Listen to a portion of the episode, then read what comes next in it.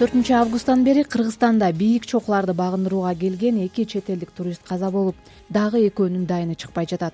Асман тиреген чокуну багындыруудан ажал тапкан эки тоочу орусиянын жарандары болгон. Орусиянын тасс агенттиги сегизинчи августта санкт петербургтан келген валентин михайлов аттуу альпинист жеңиш чокусуна чыгып бара жатып кар алдында калганын жарыялады. Ушул эле маалымат булагы он биринчи августта сергей аттуу дагы бир орусиянын тоочусу келинчеги наталья менен хан тенгри чокусуна чыгып бара жатып алты миң метр бийиктиктен каза болгонун кабарлады. Эртеси анын сөөгүн куткаруучулар лагерге түшүргөн. Жубайы наталья тирүү калган. Ал эми жеңиш чокусун багындырууга чыгып төртүнчү августтан бери дайынсыз жоголгон британиялык мехри жафаринин туугандары фейсбуктагы анын баракчасына коомчулукка төмөндөгүдөй кайрылуу жасашты. Биз мехринин ирандагы үй бүлөсү жана лондондогу өнөгү стив төртүнчү августтан бери мехрини издөө үчүн жан үрөгөн бизге колдоо көрсөткөн баардык адамдарга ыраазычылык билдиребиз. Ал жоголгон алгачкы жыйырма төрт саат биз үчүн өтө оор болду. Мехринин дайынсыз экени жөнүндө бөтөн адамдар менен социалдык медиада сүйлөшкүбүз келбейт. Окуя боюнча жергиликтүү бийликтин кабары бар. Полиция тийиштүү күбөлөрдүн көрсөтмөсүн алат деген үмүттөбүз. Биз ошондой эле расмий дыкат отчет берилерин күтүп жатабыз тилекке каршы мехри дайынсыз жоголуп балким каза болду деп ойлоп жатабыз. Жергиликтүү бийлик менен улам байланышып мунун расмий ырасталышын сурап турабыз. Биз мехрини издөөгө каражат которгондорго терең ыраазычылык билдирип акчаны кайра ар бирине кайтарып беребиз. Мехри күрөшкөн адилеттүүлүктүн жолун жакындары уланта берет кыргызстандын өзгөчө кырдаалдар министрлиги жеңиш ленин хан тенгри сыяктуу бийиктиги жети миң метрден ашкан чокуларда жоголгон тоочуларды издөө иштери көзөмөлдө болгону менен.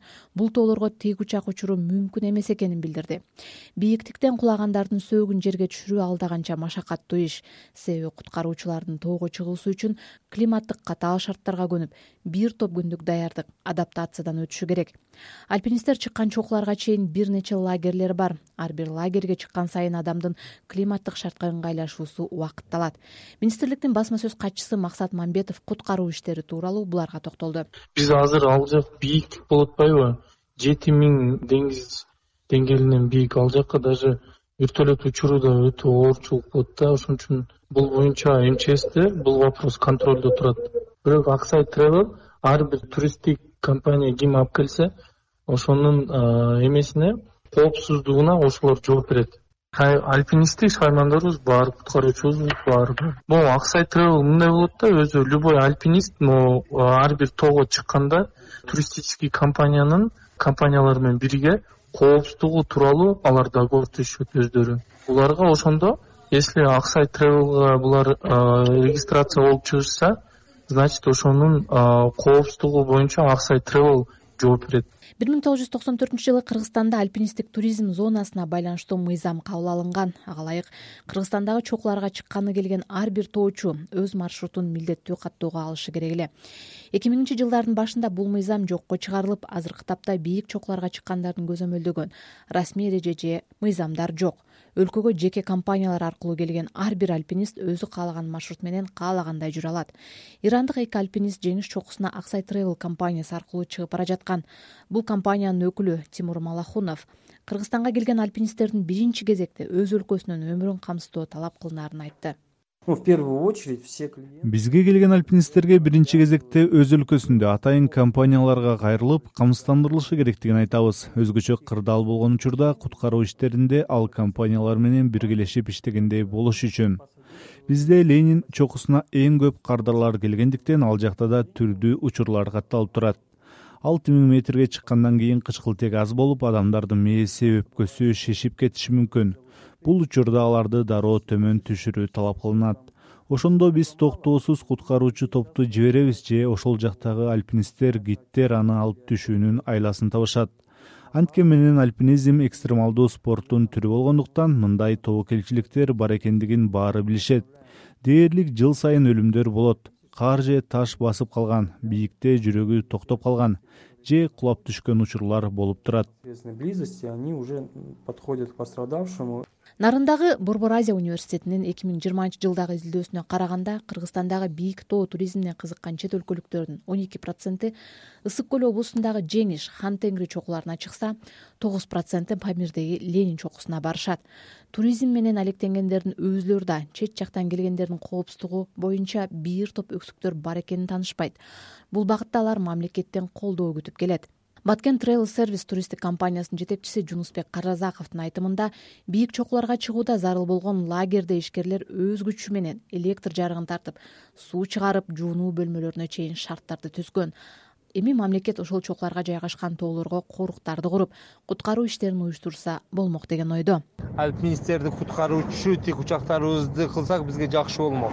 Именно ушуларга аныкталган бирок биз эмнени колдонобуз? Биз көбүнчө жеке ишкананын бир эме учагы бар ошону колдонушка туура же коргоо министрлигинин эки учагы тик учагы бар ошону колдонуп атабыз да. Мчс өзүнө бир ар бир областка бирден тик учак алып койгондо аны биз деле колдонмокпуз. Же мчс андай тик учак ми шесть эмес башка европейский еврокоптерлерден алып койсо алты кишилик аларга да ыңгайлуу болмок. Мисалы үчүн өздөрүнүн куткаруу иштерин жүргүзгө бизге да ыңгайлуу болмок бизге да аларга көптөгөн эмелер кишилерди алып келмекпиз дүйнөдөгү эң бийик эверест чокусу жайгашкан непал эки миң он бешинчи жылдан тарта чокуга чыккандар менен аларды тейлегендердин саламаттыгын коопсуздугун камсыздоо үчүн дарыгерлер менен куткаруучулардын санын көбөйткөн гардиан гезити буга ушул жылы эверестке чыгып бара жатып кар көчкү алдында калган альпинисттер менен аларды коштоп жүргөн жергиликтүү атуулдардын өлүмү себеп болгонун жазган.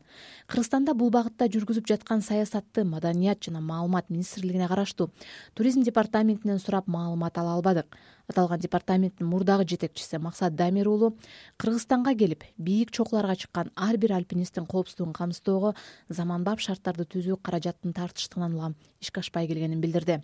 Альпинисттерди ала турган болсок жана үч миң төрт миң метрден өйдө кете тургандардычы көбүн эсе баягы сөөктөрү калып кетип атпайбы ошол тоодочу. Анткени аларды түшүрүш өтө кыйын да техника дагы мындай ага жете турган алып түшө турган техника да жок да. Негизинен ойлогонубуз баягы мобилдик приложение. Ошол жерге жанагы туристтин паспорту деп да киргизип баштабадык белек кыргызстан боюнча толук маалыматты алуу боюнча ошол мобилдик тиркемеге кошуп баягындай бир кнопка менен сос дегенди басканда кайсы жерде жүргөнүн аныктоо боюнча жасайлы деген жакшы ойлор бар болчу бирок баары тең эле барып акча каражатка тап болуп калып атты да.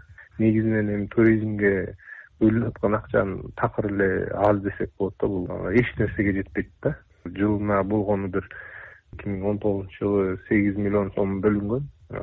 Баардыгы ушул туризм боюнча ушул туризм департаментинин иштеген кызматкерлеринин айлык маянасына чейин кошуп алганда да анан азыркы учурда андан дагы аз болуш керек деп ойлоп атам да. Так билбейт экенм бирок бир алты жүз алты миллиондун тегерегинде болуш керек. Шарттын жоктугуна карабай менчик туристтик компаниялар эки миң жыйырманчы жылдагы карантинден кийин быйыл эки миң жыйырма биринчи жылы ленин жеңиш хан теңир сыяктуу кыргызстандын аймагында жайгашкан чокуларды багындырууга бет алган туристтер көбөйгөнүн белгилешет. Альпинисттердин кырк проценти орусиядан келсе быйыл иран менен украинадан келгендер арбыган. Германия польша чехия испания франция англия америка ал тургай сауд арабиясынан да келгендер катталды оор жолдо аларга кызмат кылган онго жетпеген компания бар. Ар бир альпинисттин чокуну багындырууга төлөгөн акысы да аз эмес. Маселен аксай тревел компаниясынын веб сайтында хан тенгри жана жеңиш чокусуна чыгуунун наркы үч миң акш доллары ленин чокусуна төрт миң акш долларынан ашык. Ал эми бир ирет чыгып келүүнүн убактысы отуз алты күндөн башталып кырк күндөн ашат. Жолдун катаалдыгына карабай өмүрдү тобокелге салууга эмне себеп бул суроого outdoor kg порталынын негиздөөчүсү кыргызстандык альпинист михаил даничкин жооп берди. Конечно горы это албетте тоонун өзү эле кооптуу ар дайым тобокелдикке барууга туура келет. Бирок тажрыйбалуу альпинисттин негизги максаты тобокелдиктин баарын азайтуу анткени менен коркунуч тоодо жүрбөсөк деле тооруйт да жөн эле машина менен бара жатып деле өлүмгө учураса болот. Кырдаал ар дайым өзгөрүп турат. Кээде жол катаал болот. Айрым учурда бийик чокууга кыйналбай эле чыгып кете беребиз мен чокуларды багынтуу жолуна чыкканда албетте чоочулайм. Ичинде чоочулоо сезими болгон альпинист өзүн өтө этияттайт ал эми өлүмгө учурап жаткандардын көбү дал ушул ичиндеги коркуу сезими жоктор болууда. Ошондуктан бийиктикке чыгаарда коркуп этият болуу абзел. Все все люди боятся. Төртүнчү августтан бери дайынсыз болуп жаткан британиялык укук коргоочу коомдук ишмер теги ирандык акын мехри жафаринин фейсбукка акыркы ирет жазган постунда үч оор күндү өткөрүп базалык лагерге аман эсен кайтып келдим. Тынбай жааган калың кардан улам бул жерде эки күн өргүдүм. Оң колумду кичине оорутуп алдым. Базалык лагерден биринчи жеңиш лагерине жалгыз чыгуу бул акылсыз идея. Муну эч качан жасабаңыз сураныч биринчи лагердин асты жагында калың кар коркунучтуу жаракалар жүздөгөн тузактар жана тешиктер катылган. Ошондой эле кар көчкү да болду. Анысы аз келгенсип биринчи күндөн тартып эле газ плитам бузулуп калды. Эки күн бою суу жана тамак аш болгон жок. Ушундан улам кар шорпосун бышырдым. Мындан ары чокуга чыгууну улантуу үчүн жакшы аба ырайын күтөм. Менин жолум болду бул аймакта бир нече ирандык команда атактуу альпинисттер менен жүрүшөт. Эртең мен акклиматизация үчүн хан теңири деген үчүнчү лагерге барам деген эле ал эки миң сегизинчи жылы хан теңири чокусун багындырган жалгыз альпинист аял катары катталган кыргызстанда дүйнөнүн чар тарабынан альпинисттерди кызыктырган деңиз деңгээлинен жети миң метрден ашык бийик жайгашкан жеңиш ленин хан теңири чоклору бар. Бул чоклорго чыгып же түшүп баратып мерт кеткен адамдардын статистикасы такталган эмес. Урматтуу угарман сиз альпинизмге байланыштуу акыркы окуяларды уктуңуз. Аны угуу мен бактыгүл чыныбаева жана кесиптешим айдана топчубаева даярдады